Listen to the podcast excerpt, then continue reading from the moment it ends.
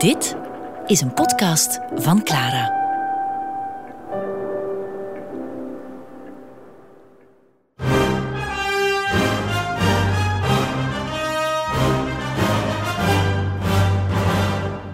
Muziek voor Stalin met Michel Krielaars. Het is 1928, het jaar waarin Stalin zijn eerste vijfjarenplan heeft afgekondigd. Met een politiek van industrialisatie en collectivisatie van de landbouw wil hij Sovjet-Rusland economisch laten wedijveren met het Westen. Door een schaalvergroting en mechanisering van de landbouw, de introductie van collectieve boerderijen, de zogenaamde kolgozen, wil hij een hogere productie realiseren, waardoor boeren werk kunnen gaan zoeken in de industrie. Die nationale hervormingen worden vaak met geweld afgedwongen. Overal worden fabrieken uit de grond gestampt. Arbeiders leiden een nog erger slavenbestaan dan tijdens de tsaar. Hun enige troost zijn de betere tijden die hun worden voorgehouden als het socialisme eenmaal is verwezenlijkt. Er vindt een kleine volksverhuizing plaats van het platteland naar de grote stad. Boeren nemen vaak hun vee mee, dat op balkons van hun nieuwe woningen wordt gestald. In nog geen tien jaar zal Moskou veranderen van een religieuze stad met honderden kerken en kloosters en een centrum van industriële productie. Ik stel me voor hoe massaal dat gesis en geboem van machines, stoomfluiten, hoogovens in die jaren van opkomende industrialisatie moet hebben geklonken in een grote stad als Moskou. Sirenes die de arbeiders oproepen om aan het werk te gaan. Het gaat dag en nacht door. Het moet één grote machinekamer zijn geweest die 24 uur per dag draaide. Het was alsof er een achterstand van eeuwen moest worden ingehaald. En de nieuwe mens, die grootste belofte van het communisme, zoals Lenin schreef, alleen met al die energie geboren kon worden. Of sterker nog, alsof die nieuwe mens alleen met stoomkracht uit de mal geperst kon worden.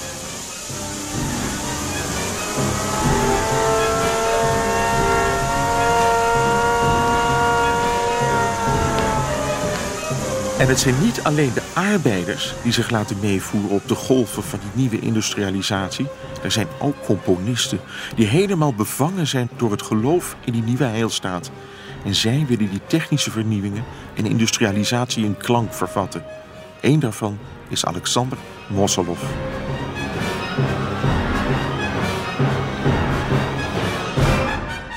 Het helse kabaal dat u hier hoort is zijn compositie De IJzergieterij.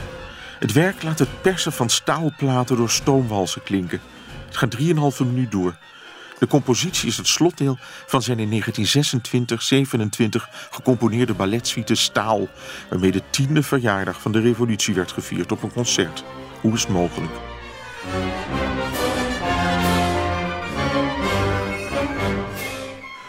De ijzergieterij past in de jaren 20 in de internationale trend in de componistenwereld. Arthur Honegger's muziek over de American Pacific Railroad bijvoorbeeld, Pacific 231 genaamd. En Ernst Krenek's Johnny speelt auf uit 1927, een opera over een jazzviolist in de losbandige Weimarrepubliek. Die ging precies over diezelfde moderne tijd waarin alles moest veranderen. En toch zullen zulke futuristische werken als de ijzergieterij van Mosolov weldra geen plaats meer hebben in de nieuwe socialistische heilstaat. Want met de nieuwe economische en industriële revolutie ging namelijk ook een grootschalige culturele revolutie gepaard.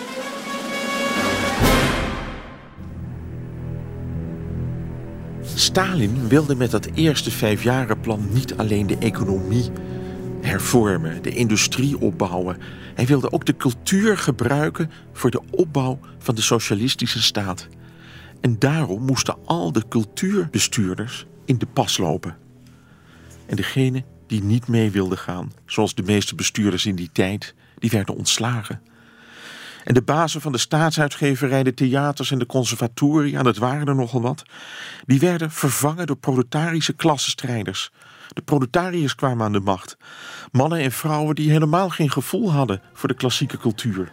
Die iets wilden, ja, arbeidersmuziek, marsmuziek, voorwaarts, op met het communisme.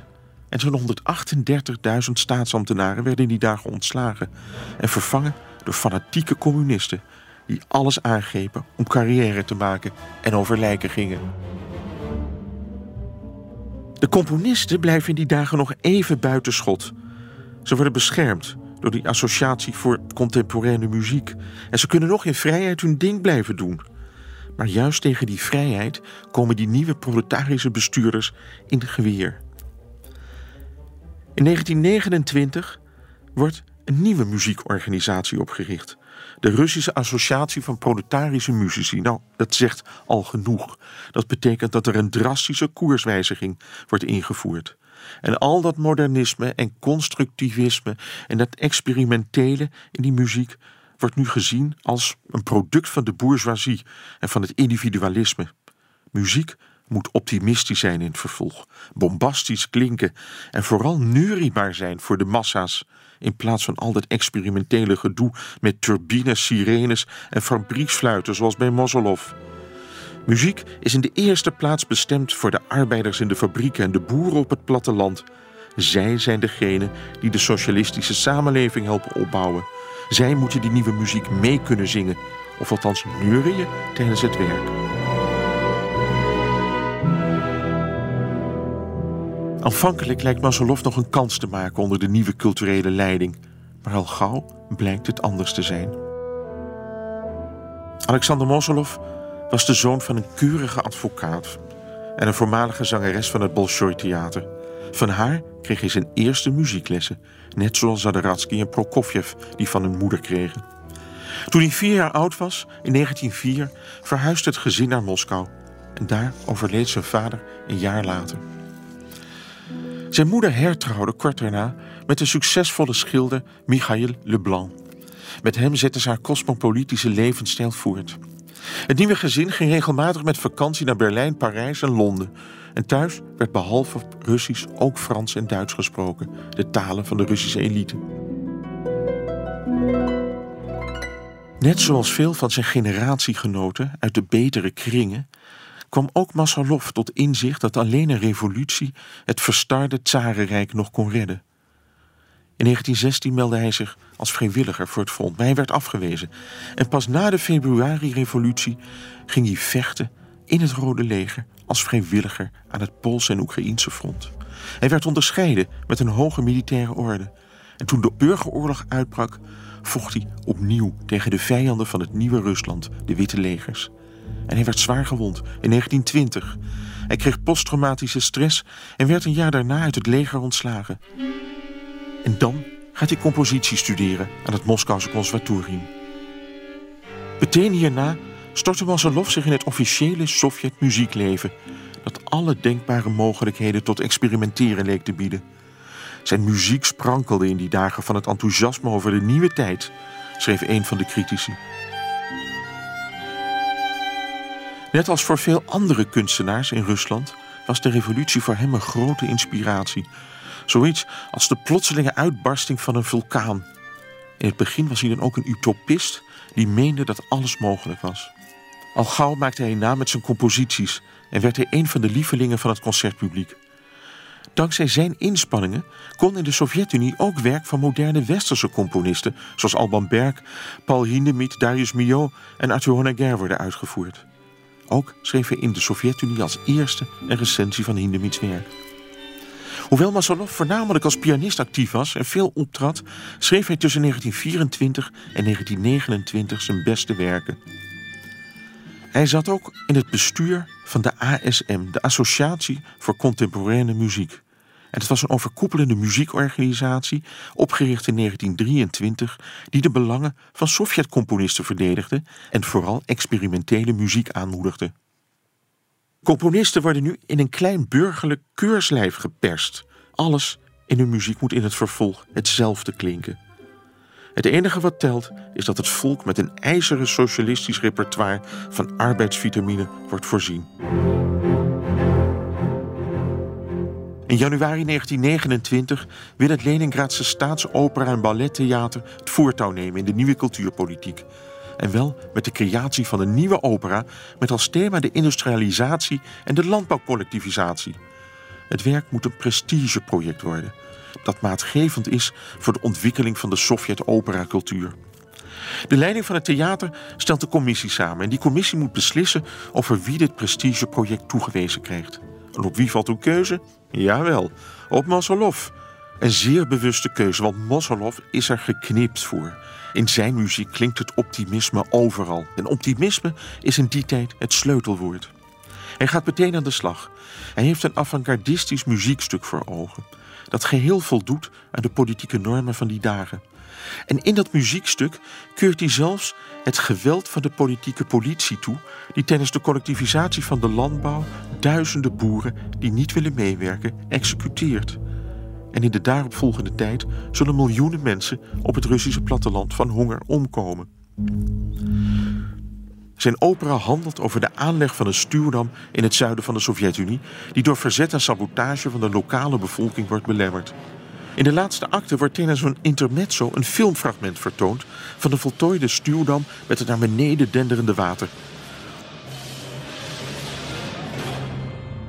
Ook vertellen dan twee bijgelovige dorpsvrouwen dat de aanvoerders van het verzet door de geheime politie zijn gearresteerd. Daarmee wilde het libretto aantonen dat een vrijwillige bekering van een kulak, zogenaamde herenboer, op grond van zijn klasseachtergrond onmogelijk was. En dat dit alleen kon als er grof geweld werd toegepast.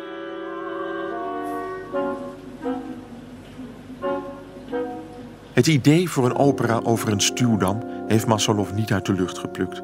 Want in die dagen werd er zo'n stuwdam gebouwd over de rivier de Dnieper. Het was een propagandaproject van het nieuwe communisme om te laten zien wat voor geweldige bouwwerken ze konden realiseren. En er is nog een droevig verhaal mee verbonden. Want tijdens de Tweede Wereldoorlog, als het Rode Leger op de vlucht slaat voor de Duitse invasie, wordt die stuwdam in 1941 opgeblazen. En daarbij komen 20.000 tot 100.000 nietsvermoedende burgers en militairen van het Rode Leger om het leven.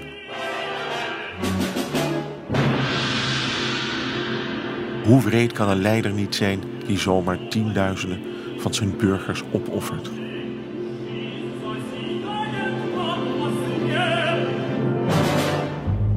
Na de eerste orkestrepetitie van de opera in mei 1930 werd het werk door iedereen met lof overgoten. Het paste prima in de nieuwe ideologie.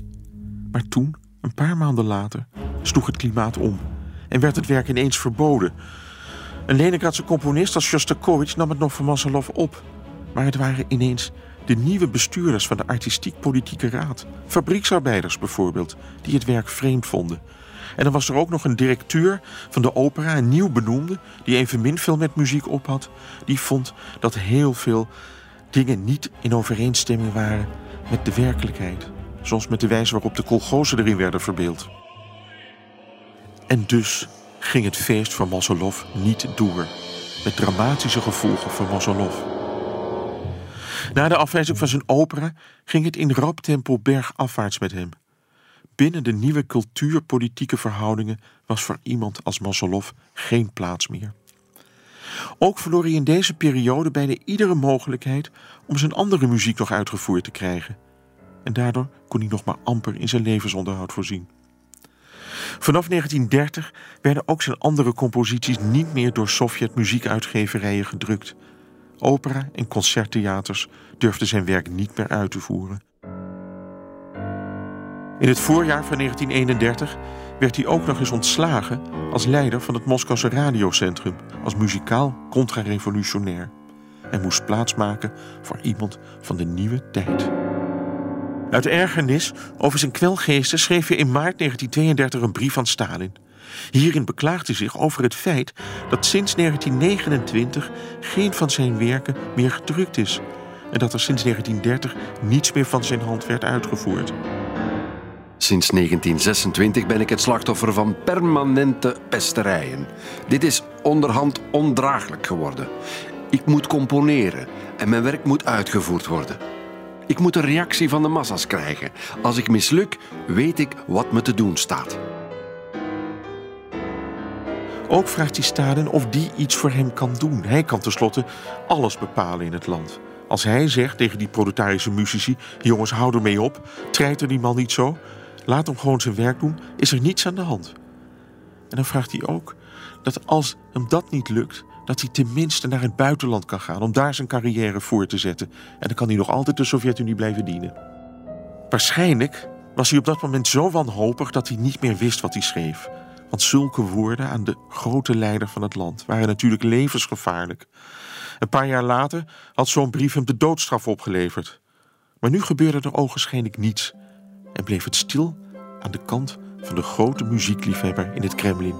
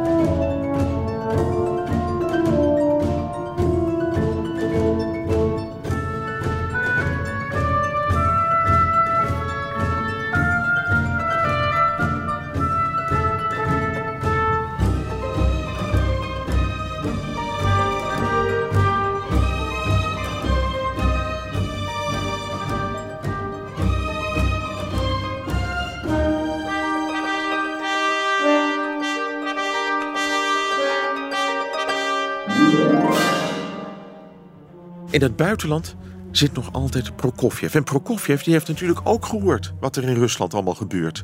Dat er ineens nieuwe proletarische eisen aan muziek worden gesteld. En dat is iets wat hem helemaal niet bevalt. En dan is er nog iets. Want na zijn terugkeer van zijn tournee in Moskou wordt hij in die Parijse immigrantenkringen niet meer serieus genomen. Ze zien hem als een verrader. Hij heeft voor de vijand gespeeld. Dus hij zit in beide kampen niet meer goed. Hij voelt zich niet op zijn gemak. Hij weet niet meer wat hij moet doen. Ergens wil hij terug. Maar hij heeft ook gemerkt wat er in de Sovjet-Unie aan de hand is. Hij had het al gemerkt toen hij eind 1929 een paar weken in Moskou was om een paar concerten te geven. En tijdens een orkestrepetitie van de Dans van Staal, een ballet van Diaghilev, waarvoor hij de muziek had geschreven, dat natuurlijk weer helemaal paste in die ideologie van industrialisering van de Sovjet-Unie, zag hij dat er iets vreemds aan de hand was. Het ballet was twee jaar eerder al in Parijs opgevoerd met heel veel succes, maar ook wel met gemengde reacties van de critici.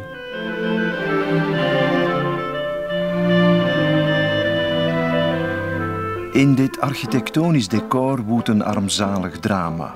Onbeslist tussen enthousiasme voor het bolsjewisme en bittere ironie. Alleen de muzikus liet zich door het materiaal in de diepte meeslepen. Voor de rest, is het een hommage of een parodie? Is het echt of cynische spot? Moet men lachen of huilen? Nog het een, nog het ander lijkt mij. De oppervlakkige excentriciteit verbergt de pijn van een fundamentele leegte en een oneerlijke opvatting. Dit was de reactie van een Franse muziekcriticus. Maar in Moskou wordt er heel anders gereageerd. Zo werd hij door de nieuwe muziekautoriteiten ter verantwoording geroepen voor de ideologie achter zijn compositie.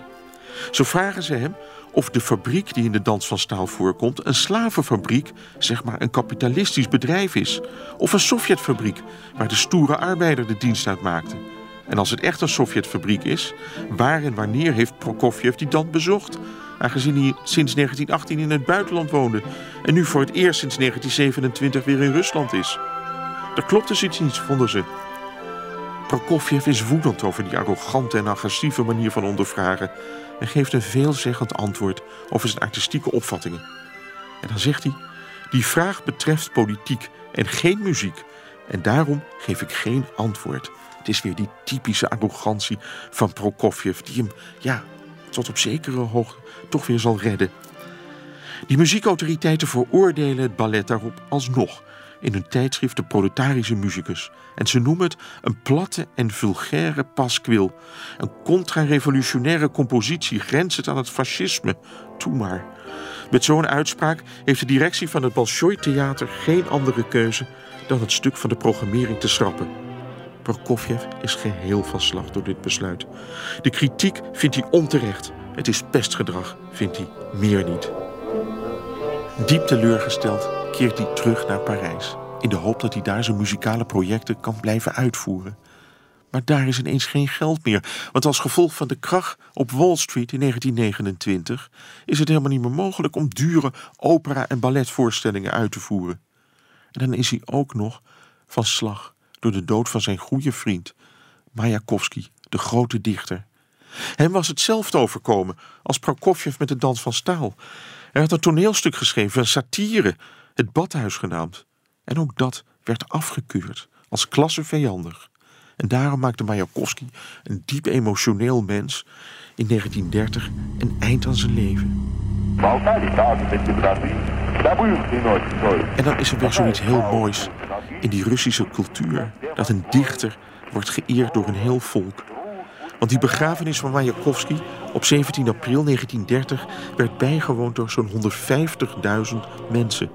Het is de op twee na grootste openbare rouwdienst in de Sovjetgeschiedenis. Die alleen nog overtroffen werd door die van Vladimir Lenin en Jozef Stalin. En die dood van zijn vriend, Mayakovsky, doet iets met hem. Hij begint nog meer te twijfelen over Sovjet-Rusland. Dat hij door zijn drukke concertagenda in Europa, want hij kon nog altijd als solopianist overal optreden, niet meer in de verleiding zou komen om naar Rusland terug te gaan, kwam hem daarbij niet slecht uit. Hij stelde het nog even uit.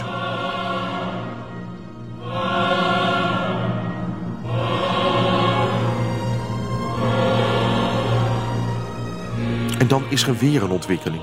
In 1932 stelt Stalin de zaak op scherp. En dan komt hij met een echte artistieke doctrine.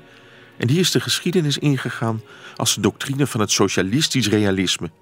Het ging niet meer om troost, om schoonheid en vermaak. Nee, het ging alleen maar om een positieve sfeer, een positieve geest die het volk moest hebben om het socialisme te kunnen verwezenlijken, wat dat ook mogen zijn. En overal zag je kunstvormen. Je zag muurschilderingen van leden van de communistische jeugdbeweging met hun rode sjaaltjes om die naar de lucht wijzen. En in die lucht zit de geest van Stalin. En daarachter ligt blijkbaar het land van het socialisme. Het klinkt idioot, maar het werd toen heel serieus genomen. En het werd bindend voor iedereen. Wat het betekende voor de literatuur en de schilderkunst werd misschien nog het best verwoord door de schrijver Maxim Gorky tijdens zijn toespraak voor het congres van Sovjetschrijvers. Wanneer de geschiedenis van de cultuur geschreven zal zijn door de Marxisten, zullen we zien dat de rol van de bourgeoisie in het proces van culturele creatie sterk overdreven is. Vooral in de literatuur en nog meer in de schilderkunst, waar de bourgeoisie altijd de werkgever is geweest en bijgevolg de wetgever. Socialistisch, realistische kunst moet aan vier regels voldoen. Zij moet proletarisch zijn, dat wil zeggen relevant en coherent voor de arbeiders. Ze moet typisch zijn, in die zin dat ze het dagelijks leven van het Russische volk moet weergeven. Ze moet stilistisch realistisch zijn en ze moet partijdig zijn. Ze moet de doelstellingen van de Russische staat en de communistische partij actief ondersteunen. Gorky heeft het hier over literatuur en schilderkunst. En de muziek blijft nog even buitenschot. Maar dat verandert als in april 1932 het Centraal Comité van de partij de Componistenbond opricht. En die Componistenbond is ja, opdrachtgever, uitgever en impresario in één. Die Componistenbond bepaalt wat een componist mag schrijven. En dat wat hij mag doen moet in overeenstemming zijn met de ideologie. En er wordt heel erg streng op toegezien. Want die componisten komen regelmatig in vergadering bijeen. En daar gaan ze elkaars werk bespreken. Nou ja, zeg maar, het komt erop neer dat ze elkaars werk gaan censureren. En heel veel componisten krijgen op een donder omdat hun werk zogenaamd niet klopt met de ideologische voorschriften van die tijd. Het wordt een soort terreur in de muziek.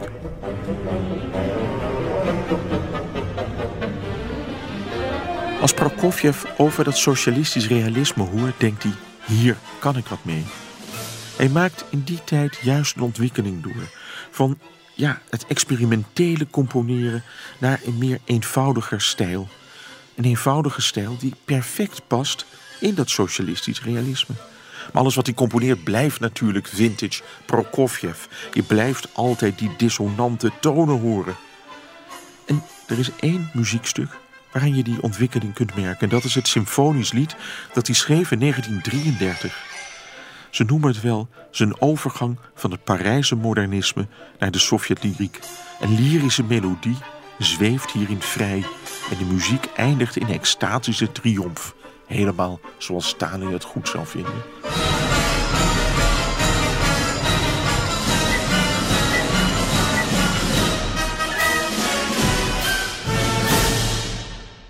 In 1933 is hij opnieuw in Moskou en Leningrad om er een paar concerten te geven.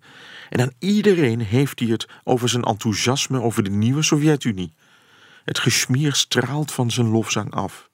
En natuurlijk vindt hij het socialistisch realisme een bevestiging van zijn eigen ideeën over de functie van muziek. Hij lijkt wel een echte communist te zijn geworden. Hij beweert dat hij altijd al melodieën heeft willen bedenken die door een groot publiek kunnen worden begrepen. Zingbare, simpele melodieën, dat vindt hij belangrijk, zegt hij. Zijn gretigheid om de autoriteiten te behagen gaat nog verder. In november 1934 publiceert hij in de regeringskrant Izvestia het artikel De richting van de Sovjetmuziek. En daarin omarmt hij het socialistisch realisme. Bovenal hebben we grootse muziek nodig. Dat wil zeggen muziek die zowel wat concept als wat uitvoering betreft de grandeur van dit tijdperk moet bevatten. Zulke muziek zou een stimulans kunnen zijn voor onze eigen muzikale ontwikkelingen en kan ook in het buitenland onze ware identiteit laten zien. De componist moet er rekening mee houden dat er duizenden mensen in de Sovjet-Unie zijn die muziek ontdekken. Mensen die in het verleden immuun voor muziek waren, er onverschillig tegenover stonden. En boven alles moet die muziek melodieus zijn. Meer nog, moet de melodie eenvoudig en begrijpelijk zijn, zonder zich te herhalen of triviaal te zijn.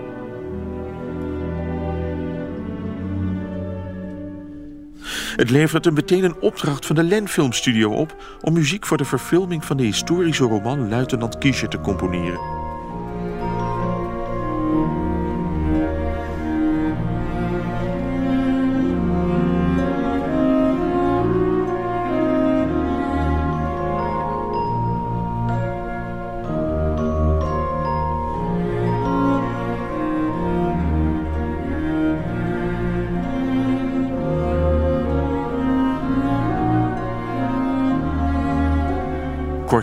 Doet heel erg zijn best om bij de Sovjet-autoriteiten in het gevlei te komen. Zelf beseft hij dan nog altijd niet dat die autoriteiten hem willen gebruiken als een ambassadeur voor het uitdragen van de idealen van een nieuwe samenleving. Ze overladen hem daarom met nieuwe compositieopdrachten en ze beloven hem gouden bergen. En op zo'n manier hopen ze hem geleidelijk aan in te lijven bij hun kamp. In de Sovjet-propaganda wordt Prokofjev voorgesteld als de zanger van het nieuwe Rusland. Of de drager van het idee van het socialistisch humanisme. Dat klinkt allemaal heel erg gewichtig. Maar hij zal er uiteindelijk voor zwichten. Prokofjevs innerlijke tweestrijd is echter nog lang niet voorbij. Hij maakt zijn naaste omgeving in die dagen gek. Zal hij nou wel definitief teruggaan of niet? Enerzijds wil hij terug naar Rusland, naar zijn geboorteland naar de bomen, het landschap, de rivieren, de Russische taal. En aan de andere kant is er zijn kille ambitie. En die is nog altijd in conflict met de van hogerhand opgelegde artistieke beperkingen. Want die dissonante tonen horen bij zijn muziek. Die wil hij niet opgeven. Maar het is toch vooral dat verlangen naar de Russische bodem die een parten speelt. De lucht van het vreemde komt mij scheppen niet ten goede, omdat ik rust ben. En voor iemand als ik is het onverteerbaar om in ballingschap te moeten leven, in een geestelijk klimaat te moeten verblijven dat niets met mijn herkomst gemeen heeft. Ik moet me weer in de sfeer van mijn geboortegrond inleven. Ik moet weer de echte winter en de lente zien. Ik moet de Russische taal weer in mijn oren horen klinken. Ik moet met de mensen van mijn eigen vlees en bloed praten, die me teruggeven wat me hier ontbreekt. Hun liederen, mijn liederen. Hier raak ik uitgeput. Ik loop het gevaar aan academisme ten onder te gaan. Ja, mijn vriend. Ik ga terug.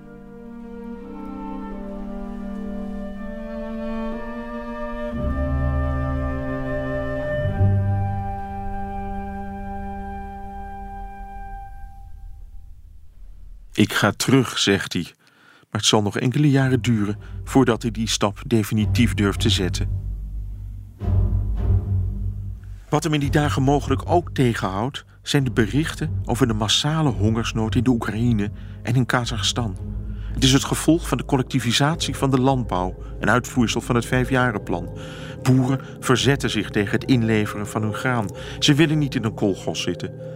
Het gevolg is een terreur op het platteland, waarbij hun het eten wordt afgenomen en waarbij ze massaal verhongeren. Er zijn zo'n 7 miljoen mensen in die dagen omgekomen. En op een gegeven moment kwam dat Prokofjev ter oren.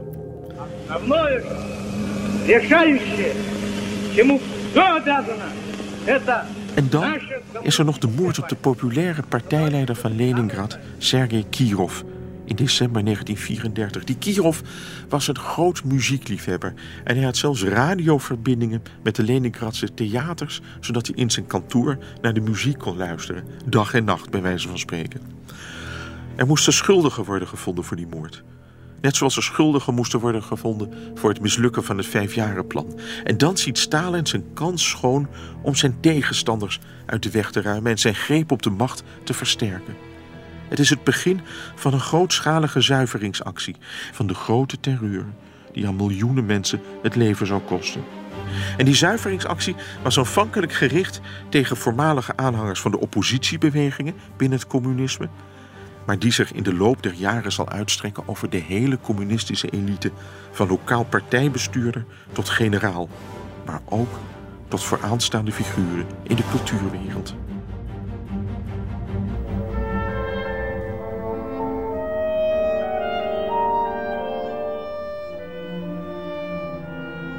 De eerste die eraan moet geloven is Shostakovich.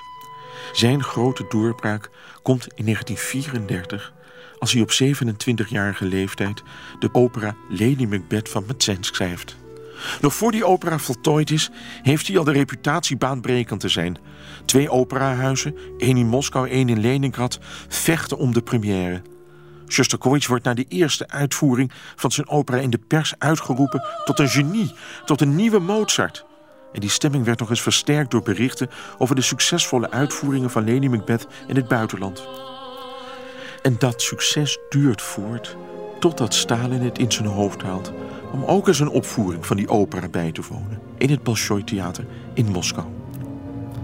En dan gebeurt er iets vreselijks. Als de dirigent een zijdelingse blik werpt naar de loge waarin de dictator zit, blijft het daar angstwekkend stil. En na het eerste bedrijf gebeurt er hetzelfde. Er is niet de minste reactie op het gezicht van Stalin te zien. Als hij ook nog voor het einde van de voorstelling gehaast zijn loge verlaat, weet iedereen dat het mis is. Shostakovich beschrijft de gebeurtenissen van die avond in het Bolshoi-theater in een brief aan een goede vriend. De opvoering ging erg goed. Aan het eind werd ik door het publiek op het podium geroepen en maakte ik een diepe buiging. Ik betreur het alleen dat ik dat niet na het derde bedrijf heb gedaan. Ik voelde me niet goed, pakte mijn aktentas en ging naar het station. Ik ben in een slechte stemming en ik maak me grote zorgen. Je voelt het al aan. Er gaat iets gruwelijks gebeuren. Shostakovich voelde zich hondsberoerd en zat twee dagen in spanning. En inderdaad, twee dagen later staat er in de Pravda, een krant die anders nooit over muziek schreef, een artikel met de kop Chaos in plaats van muziek. En daarin wordt Lady Macbeth van Metsensk opgefokte, gejaagde, bezeten muziek genoemd, die ontleend is aan de jazz. Het internationale succes van het werk zou te danken zijn aan het feit dat het de perverse smaken van de bourgeoisie wilde prikkelen. Shostakovich's opera werd niet alleen te erotisch bevonden, de componist werd in het artikel ook beschuldigd van naturalisme en formalisme. En dat waren de grootste zonden die je in de kunsten van die tijd kon maken. Vanaf de eerste minuut wordt de luisteraar opgeschrikt door opzettelijke dissonantie, door een verwarde stroom van klanken. Flarde melodie, het begin van een muzikale frase worden overstemd, duiken weer op en verdwijnen in een knarsend en piepend gebrul. Deze muziek te volgen is zeer moeilijk, ze te onthouden onmogelijk. En zo gaat het praktisch de hele opera door. Het gezang op het toneel wordt vervangen door geschreeuw. Als de componist op het spoor komt van een heldere en eenvoudige melodie, stort hij zich terug in een wildernis van muzikale chaos, hier en daar overgaand in cacophonie. De expressie die de luisteraar verwacht, wordt verdrongen door een wild ritme. Passie wordt hier verondersteld te worden uitgedrukt door lawaai.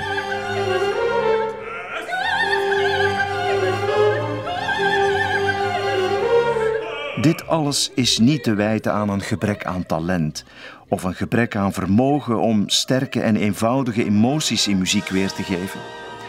Hier wordt muziek bewust binnenste buiten gekeerd om niets te laten herinneren aan de klassieke opera, of iets gemeen te hebben met symfonische muziek of met eenvoudige en populaire muziektaal die voor iedereen toegankelijk is. De kracht van goede muziek om de massa's te infecteren is opgeofferd aan een kleinburgerlijke, formalistische poging om originaliteit te creëren door middel van goedkope clownerie. Het is een spel van slim vernuft dat wel eens heel slecht zou kunnen aflopen.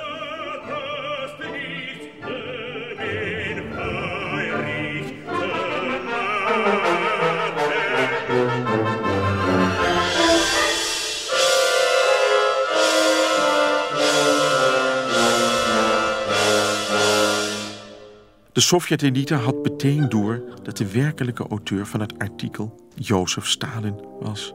Ze moeten gehuiverd hebben bij de waarschuwing: dit is spelen met duistere dingen, wat heel slecht kan aflopen. Shostakovich ervaart het zelf als de aankondiging van zijn naderende dood. De hele muziekwereld siddert in deze dagen van angst. In Leningrad bergt zelfs de Componistenbond zich erover. En dan zie je wat vaker zal gebeuren. Sommige componisten, die eerst heel enthousiast over een muziekstuk waren, zijn na de kritiek van hogerhand ineens om en vinden dat stuk net zo slecht als in dit geval Stalin.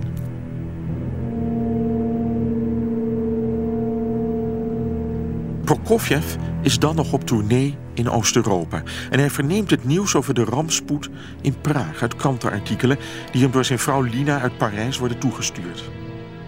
Tegenover vrienden heeft hij Lady Macbeth een voorbeeld van eerste klas toneelkunst genoemd. Dus hij schrikt van wat hij nu leest. Maar Lina stelt hem gerust. Ze is ervan overtuigd dat niets hem in zijn nieuwe carrière in de Sovjet-Unie zal kunnen bedreigen. En daarom trekt hij zich van de gebeurtenissen niets aan. Wie het zich wel aantrekt, is Alexander Masolov. Drie dagen nadat het artikel tegen Shostakovich de Pravda is verschenen... zit hij met een aantal vrienden in een restaurant. En hij is boos. Hij voert het hoogste woord. Hij is ook aangeschoten en gaat tekeer tegen de veroordelingen... alsof het zijn eigen werk betreft. Het heeft gevolgen. Want vier dagen na die bijeenkomst in het restaurant... wordt hij uit de Componistenbond gezet... Uiteindelijk blijkt het een tijdelijke schorsing te zijn, want een paar maanden later wordt hij weer toegelaten. Maar hij krijgt toch een zekere vorm van straf. Want hij mag alleen nog maar folkloristische muziek componeren. En daarvoor wordt hij naar Kirgizië gestuurd, naar Dagestan, Georgië, Armenië, Turkmenistan, naar het zuiden van de Sovjet-Unie. Omdat hij daar de muziek van het volk moet opsnuiven.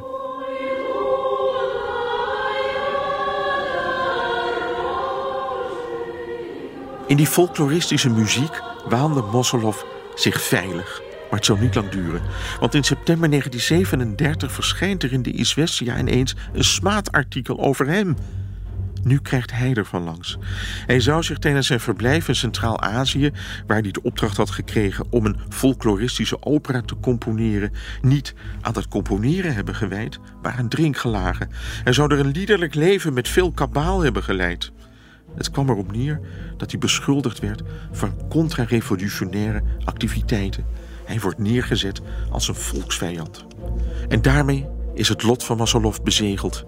Op 4 november 1937 wordt hij gearresteerd en op 23 december veroordeelt een militaire rechtbank hem wegens contra-revolutionaire propaganda tot acht jaar gevangenisstraf in een arbeidsverbeteringskamp, wat neerkomt op acht jaar zware dwangarbeid in de Gulag. Hij belandt nu in een kamp aan de rivier de Shexna in de Vologda-regio, op 300 kilometer ten noorden van Moskou. En die streek kennen we, want daar is in maart 2021 de oppositieactivist Alexei Navalny opgesloten in een vergelijkbaar dwangarbeiderskamp. De terreur van Stalin begint steeds grotere vormen aan te nemen. Er zal een hoogtepunt bereiken in 1937-38. Maar juist in deze periode strijkt Prokofjev voorgoed in Rusland neer. Hij had kennelijk een laatste duwtje nodig. En dat duwtje kreeg hij toen hij een tijdje op het platteland aan de oevers van de rivier de Auka verbleef. Op zo'n 100 kilometer ten zuiden van Moskou. Ik ken dat gebied heel goed. Het is het Rusland waar je van droomt. Het is het Rusland uit de verhalen van Tsjechov, Tolstoy, Turgenev. Groene bossen, een rivier die langs hoge oevers stroomt. Zo nu en dan een plukje houten huizen. Die ervaring moet Prokofjev hebben gehad. Op die andere oever van de Oka, op het landgoed Paljenovo. Een rustwoord voor de staf van het Bolshoi-theater. Voor het eerst heeft hij zijn vrouw en zoontjes bij zich. Waarschijnlijk om ze alvast een beetje te laten wennen aan hun nieuwe land. Hij heeft er een werkhuisje met een schrijftafel, een balkon dat uitkijkt op de rivier. En daar zit hij de hele dag te componeren, afgezonderd van zijn gezin. Na vijf uur werken gaat hij schaken, tennissen, lezen, wandelen of zwemmen. Het is bijna alsof hij is teruggekeerd naar het landgoed van zijn jeugd in de Oekraïne. Waar zijn ouders waren, waar de revolutie nog niet heeft plaatsgevonden. En zo ziet hij het leven het liefst. En terwijl hij daar op die veranda zit te werken, ja, laat hij zich door zijn grenzeloze naïviteit en zelfoverschatting leiden en hakt hij de knoop door. Terug naar Rusland. Hier wil hij blijven. Shostakovich heeft later iets gezegd over die beslissing van Prokofjev. Prokofjev was een verstokte gokker. En meestal won hij ook. Hij dacht dat hij zijn berekeningen goed gemaakt had en dat hij ook deze keer zou winnen. Zo'n 15 jaar lang zat hij tussen twee stoelen. In het Westen werd hij beschouwd als een Sovjet en in Rusland zagen ze hem als een Westeling. En Prokofjev besloot dat het voor hem winstgevender zou zijn om naar de Sovjet-Unie te verhuizen. Zo'n stap zou hem in het Westen alleen maar meer aanzien geven, omdat juist toen de Sovjet-Unie in de mode kwam. In Rusland zou men hem op die manier niet langer als een buitenlander beschouwen en zou hij dus aan het langste eind trekken. Maar toen belandde Prokofjev als een kip in de soep. Hij kwam naar Moskou om hen les te geven, maar het was net omgekeerd. Het waren zij die hem de les begonnen te spellen.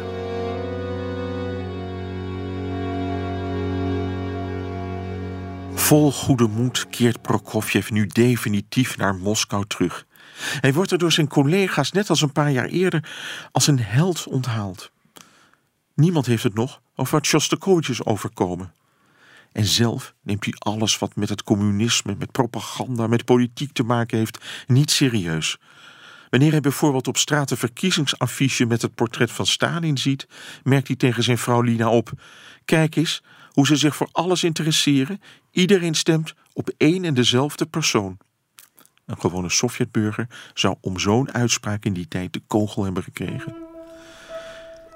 Er wordt Prokofjev en Nina door het Comité voor Kunstzaken een prachtig vierkamerappartement ter beschikking gesteld. In een gebouw voor verdienstelijke kunstenaars aan de Aardewal, een van de hoofdstraten in het centrum van Moskou. Hun buren zijn bijna alle culturele beroemdheden, zoals pianist Heinrich Neuhaus en violist David Oistrakh, die al gauw verhuist. Prokofjev geniet nu volop van de uiterst comfortabele wending die zijn leven heeft genomen. De grote terreur gaat in die dagen geheel aan hem voorbij. Hoe is het mogelijk?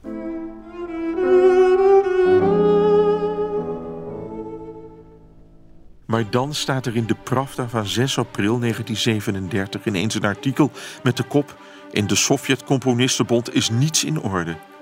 De voorzitter van de Moskouse afdeling van die bond wordt gearresteerd en verdwijnt spoorloos.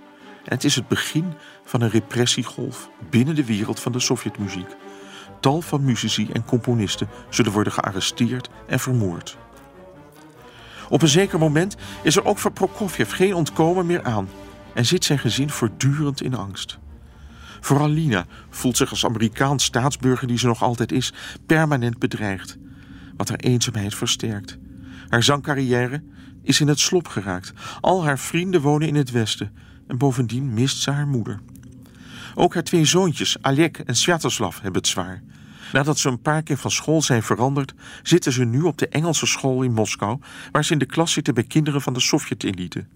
Maar die school moet in 1937 de deuren sluiten, omdat de meeste ouders van de leerlingen zijn gearresteerd. Op de school waar ze hierna naartoe worden gestuurd, worden ze door hun klasgenoten, die van een veel eenvoudiger komaf zijn, gepest vanwege hun geprivilegeerde afkomst.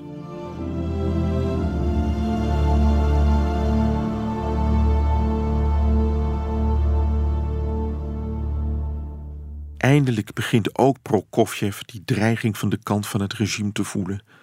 En daarom gaat hij zich indekken. Eind van het jaar publiceert hij een artikel in de Pravda waarmee hij het socialistisch realisme met zijn eigen muzikale opvattingen wil verenigen. En dan nog heeft hij dat maar, altijd dat maar, want hij wil natuurlijk een onafhankelijk kunstenaar blijven. En dan beweert hij dat een componist nooit op de knieën mag gaan zitten om de luisteraar te behagen. Muziek mag nooit onoprecht zijn, omdat ze anders niet zou voortbestaan. Het zijn heel gewaagde woorden in die tijd. Maar hij kan niet anders, want hij beseft dat hij uiteindelijk nooit concessies kan doen. Het zoeken naar een muzikaal idioom dat past in het tijdperk van het socialisme is een waardige, maar moeilijke taak voor de componist. Muziek is in ons land het erfgoed geworden van grote massa's mensen. Hun artistieke smaak en eisen groeien met verbazingwekkende snelheid. En dit is iets waarmee de Sovjet-componist rekening moet houden in elk nieuw werk. Het is zoiets als schieten op een bewegend doel. Alleen door vooruit te mikken op morgen kun je voorkomen dat je achterblijft op het niveau van de behoeften van gisteren. Daarom beschouw ik het als een vergissing dat een componist streeft naar vereenvoudiging. Elke poging om de luisteraar klein te houden is een onbewuste onderschatting van zijn culturele rijpheid en de ontwikkeling van zijn smaak. Zo'n poging heeft een element van onoprechtheid. En muziek die onoprecht is, kan niet blijvend zijn. In mijn eigen werk Geschreven in dit vruchtbare jaar heb ik gestreefd naar helderheid en melodieusheid. Tegelijkertijd heb ik scrupuleus vermeden om bekende harmonieën en melodieën te verpatsen. Daarin schuilt de moeilijkheid van het componeren van heldere, rechtlijnige muziek. De helderheid moet nieuw zijn, niet oud.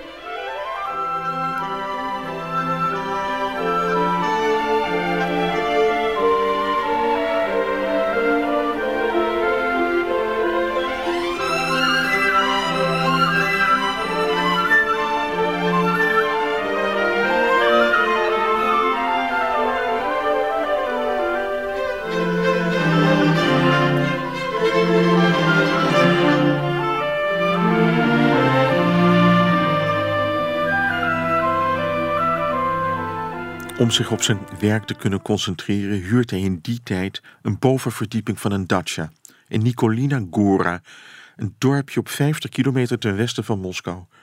Die dacha staat er nog altijd. Je kan er zo naartoe. Ik heb hem diverse keren bezocht. En het is inderdaad een heel idyllisch plekje.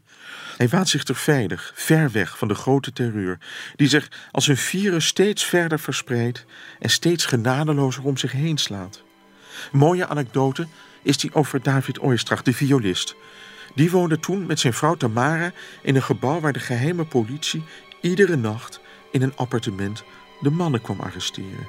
Op Oistrach na was er op een gegeven moment nog maar één andere man in dat gebouw over, in het appartement tegenover het zijne. En zijn vrouw Tamara had al een koffer voor hem gepakt met kleren en wat beschuit, voor het geval de geheime politie haar man kwam halen. Maandenlang deden de Oistrachs geen oog dicht. Zo waren ze in afwachting van het moment dat ze bij hen zouden aankloppen. Zoiets gebeurde meestal rond vier uur in de ochtend. En op een dag hoorden ze inderdaad het geklop op de buitendeur van het gebouw, beneden. Ze sprongen uit bed en waren doodsbang. Ze namen al afscheid van elkaar. Toen de mannen naar boven liepen, vroegen de Oistrachs zich opnieuw af of er nu op hun deur geklopt zou worden of op die van hun overbuurman. Die ene overgebleven overbuurman. En ja hoor, ze klopte op die andere deur en liet de Oistrach met rust.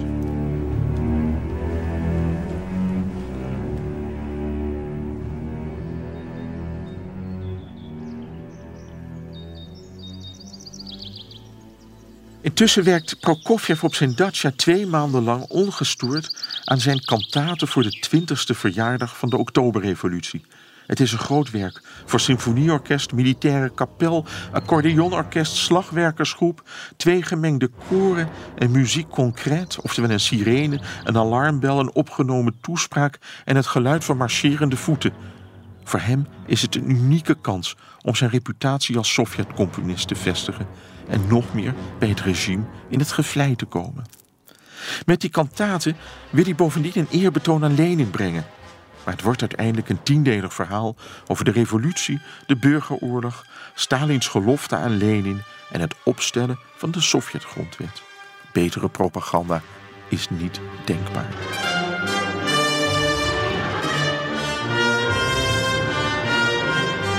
Wanneer het werk eenmaal af is, het is een werk voor 500 uitvoerenden, de partituur telt 200 pagina's, dan moet Prokofjev het op de piano voorspelen voor muzikaal ongeschoolde leden van het Comité voor Kunstzaken. En dat heeft meteen kritiek. Want ze vinden dat de teksten van Lenin die in het stuk worden gebruikt, dat die teksten ondergesneeuwd raken door de noten. En dat die dus geen enkele politieke betekenis hebben. Ja, en daar gaat het natuurlijk om. De woorden van Lenin zijn heilig. En als die noten die woorden een beetje ja, uh, onderdrukken, dan wordt het imago van Lenin schade toegebracht.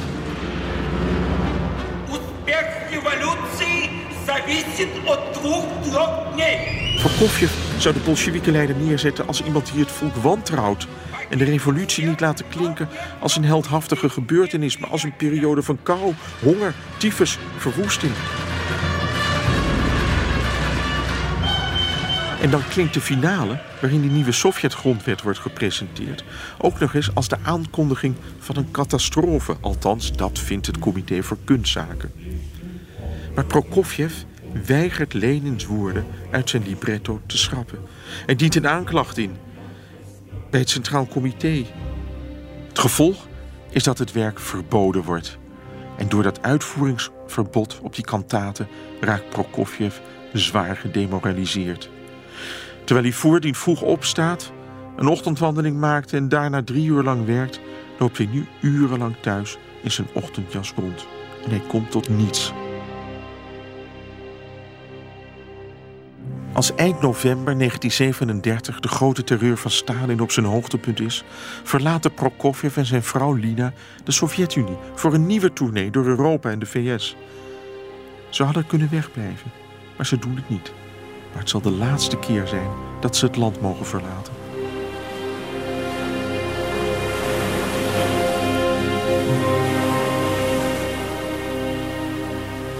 Zijn vrienden in Amerika schrikken een ander zo levendige collega-componist is veranderd in een onzekere, angstige man.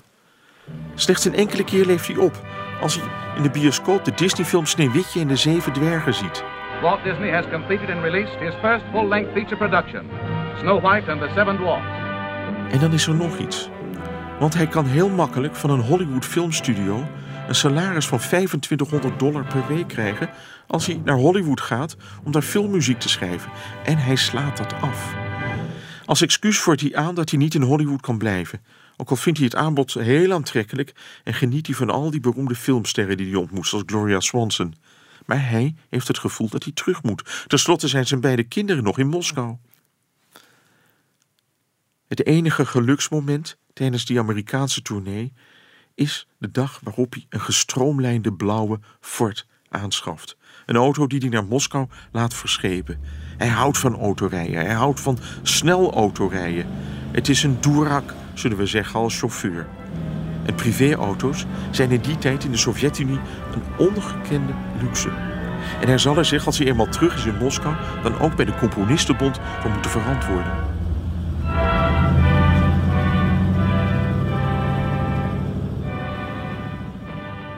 Op persconferenties in Amerika laat hij zich nog altijd positief over de Sovjet-Unie uit. Maar zijn woorden klinken doorzichtig, zeker voor zijn geëmigreerde Russische vrienden.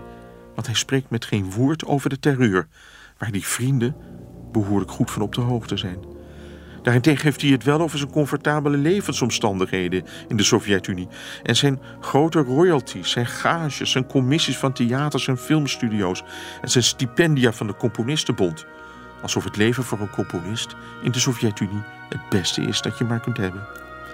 Op het New Yorks radiostation steekt hij zelfs de loftrompet op het muziekonderwijs voor kinderen in de Sovjet-Unie. Mr. Sergei Prokofiev. En ook pocht hij dat hij het jaar voordien zelf een stuk heeft geschreven voor kinderen. Met heel veel succes. In Russia today, great stress is laid on the musical education of children. In Moscow alone, there are three theaters for children, and each has its own orchestra. I have been very much interested in composing music for children. One of my recent orchestral pieces, called Peter and the Wolf, was an experiment quite well accepted by children. Terug in Moskou laat Prokofjev zich meteen als een groot patriot zien. Hij begint te componeren aan een opera met de naam Semyon Kotko. Een verhaal gebaseerd op de populaire novelle Ik ben een zoon van het werkvolk van Valentin Kataev. Die opera zou geregisseerd worden door Vsevolod Meijerhold in opdracht van het Stanislavski Theater in Moskou. Meijerhold was in die dagen de beroemdste regisseur van de Sovjet-Unie. Zelfs in West-Europa wilde iedereen met hem werken. Hij was een vernieuwer, hij was een grote naam, had briljante ideeën. Maar die samenwerking is een risico.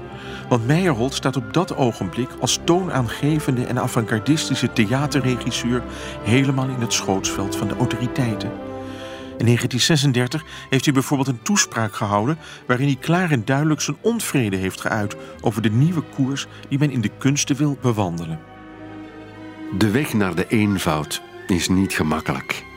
Iedere kunstenaar gaat in zijn eigen tempo en hij mag zijn eigen manier van lopen niet verliezen.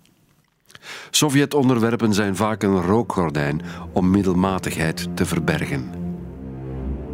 In december 1937 gaat een handlanger van Stalin, Lazar Kaganovich, naar een voorstelling in het Meijerholtheater.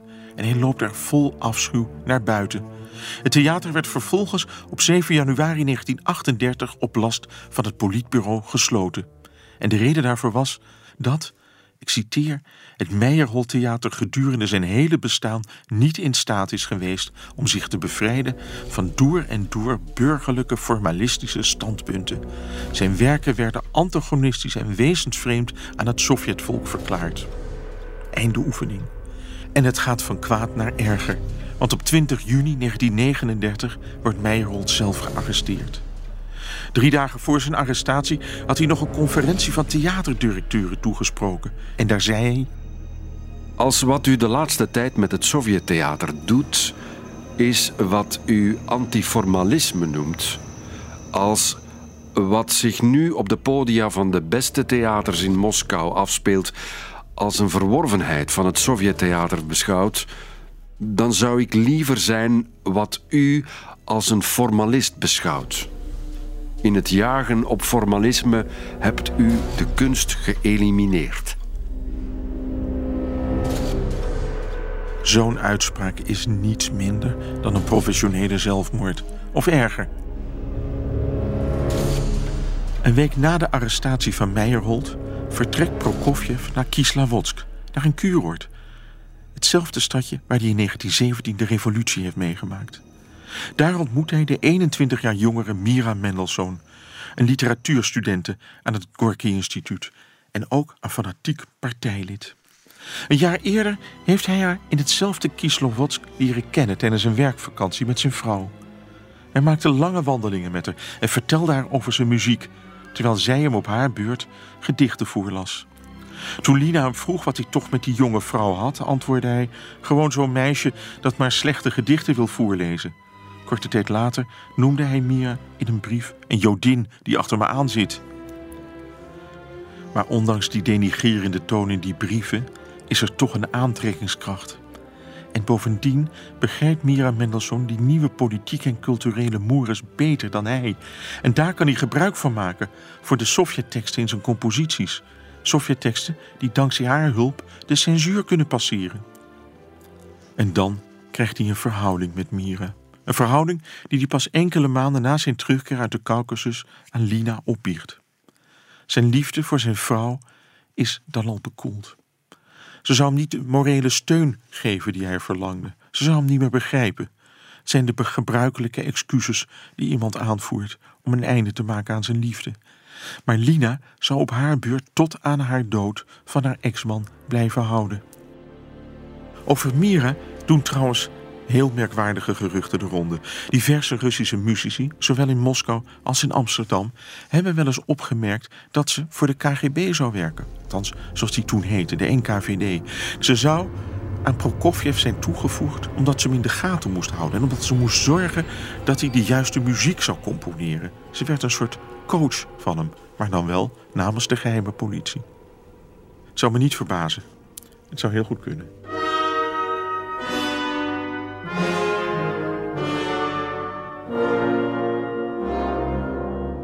In Kislovodsk vreest Prokofjev intussen het ergste voor Meyerhold. Zijn opera is min of meer af, maar wie moet hem regisseren? Na Meyerholds arrestatie is alles wat aan hem herinnert verdwenen. Foto's en affiches zijn verwijderd uit het theater. Zijn lemma is geschrapt in de grote Sovjet-encyclopedie. Meyerhold is inmiddels naar het hoofdkwartier van de NKVD, de geheime politie, in Moskou gebracht. Een maand na Meijerholds arrestatie wordt er ook nog eens in zijn appartement ingebroken. Zijn vrouw, een beroemde actrice, Zinaida Reich, wordt daarbij vermoord met twaalf messteken, onder meer in haar ogen. Het is meestal een handtekening van de onderwereld, maar in werkelijkheid zit de geheime politie achter de moord, omdat die de brieven wilde hebben die Zinaida Reich aan Stalin had geschreven en waarin ze protesteerde tegen de arrestatie van haar man. Ondertussen is Meijerhold in de handen gekomen van de beruchte folteraar Lev Schwarzman. Daar zal hij na een lange marteling bekennen een Britse en Japanse spion te zijn. In zijn laatste dagen schrijft hij een brief aan het hoofd van de Sovjetregering, Vyacheslav Molotov. De rechercheurs begonnen geweld te gebruiken op mij. Een zieke 65-jarige man. Ik moest op mijn gezicht gaan liggen en werd met een rubberen riem geslagen op mijn voetzolen en mijn ruggengraat. Ze lieten me op een stoel zitten en sloegen van bovenaf op mijn voeten met aanzienlijke kracht. De volgende dagen, toen delen van mijn benen bedekt waren met uitgebreide inwendige bloedingen, sloegen ze opnieuw met de riem op de rood-blauwe en gele-blauwe plekken. En de pijn was zo intens dat het voelde alsof er kokend water op deze gevoelige plekken werd gegoten. Ik huilde en weende van de pijn. Ze sloegen op mijn rug met dezelfde rubberen riem en sloegen in mijn gezicht, terwijl ze van grote hoogte met hun vuisten zwaaiden. De ondraaglijke fysieke en emotionele pijn deed mijn ogen eindeloze stromen tranen huilen. Met mijn gezicht naar beneden op de grond liggend, ontdekte ik dat ik kon kronkelen, draaien en gillen als een hond wanneer zijn meester hem afranselt. Na 18 uur verhoor werd ik op een brancard gelegd. Na amper een uur slaap werd ik opnieuw gewekt voor nog meer verhoren. Ik schokte heen en weer als een patiënt in het laatste stadium van tyfus. De dood, o zeker, de dood is gemakkelijker dan dit. Ik begon bekentenissen te doen, in de hoop dat dit in ieder geval snel naar het schavot zou leiden. En terwijl zijn vriend in de gevangenis zit en gemarteld wordt, zit Prokofjev achter zijn piano, alsof er niets aan de hand is. En wat doet hij? Hij componeert een kantate voor de 60ste verjaardag van Jozef Stalin. Meyerhold zelf zal na een geheim proces door een militair tribunaal wegens spionage ter dood worden veroordeeld. Op 2 februari 1940 krijgt hij de kogel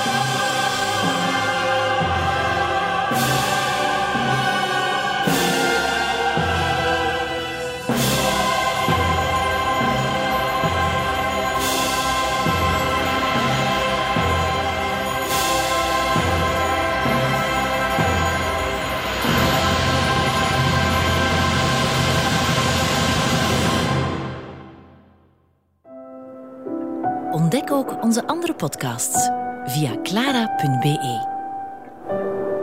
Clara Podcast. Blijf verwonderd.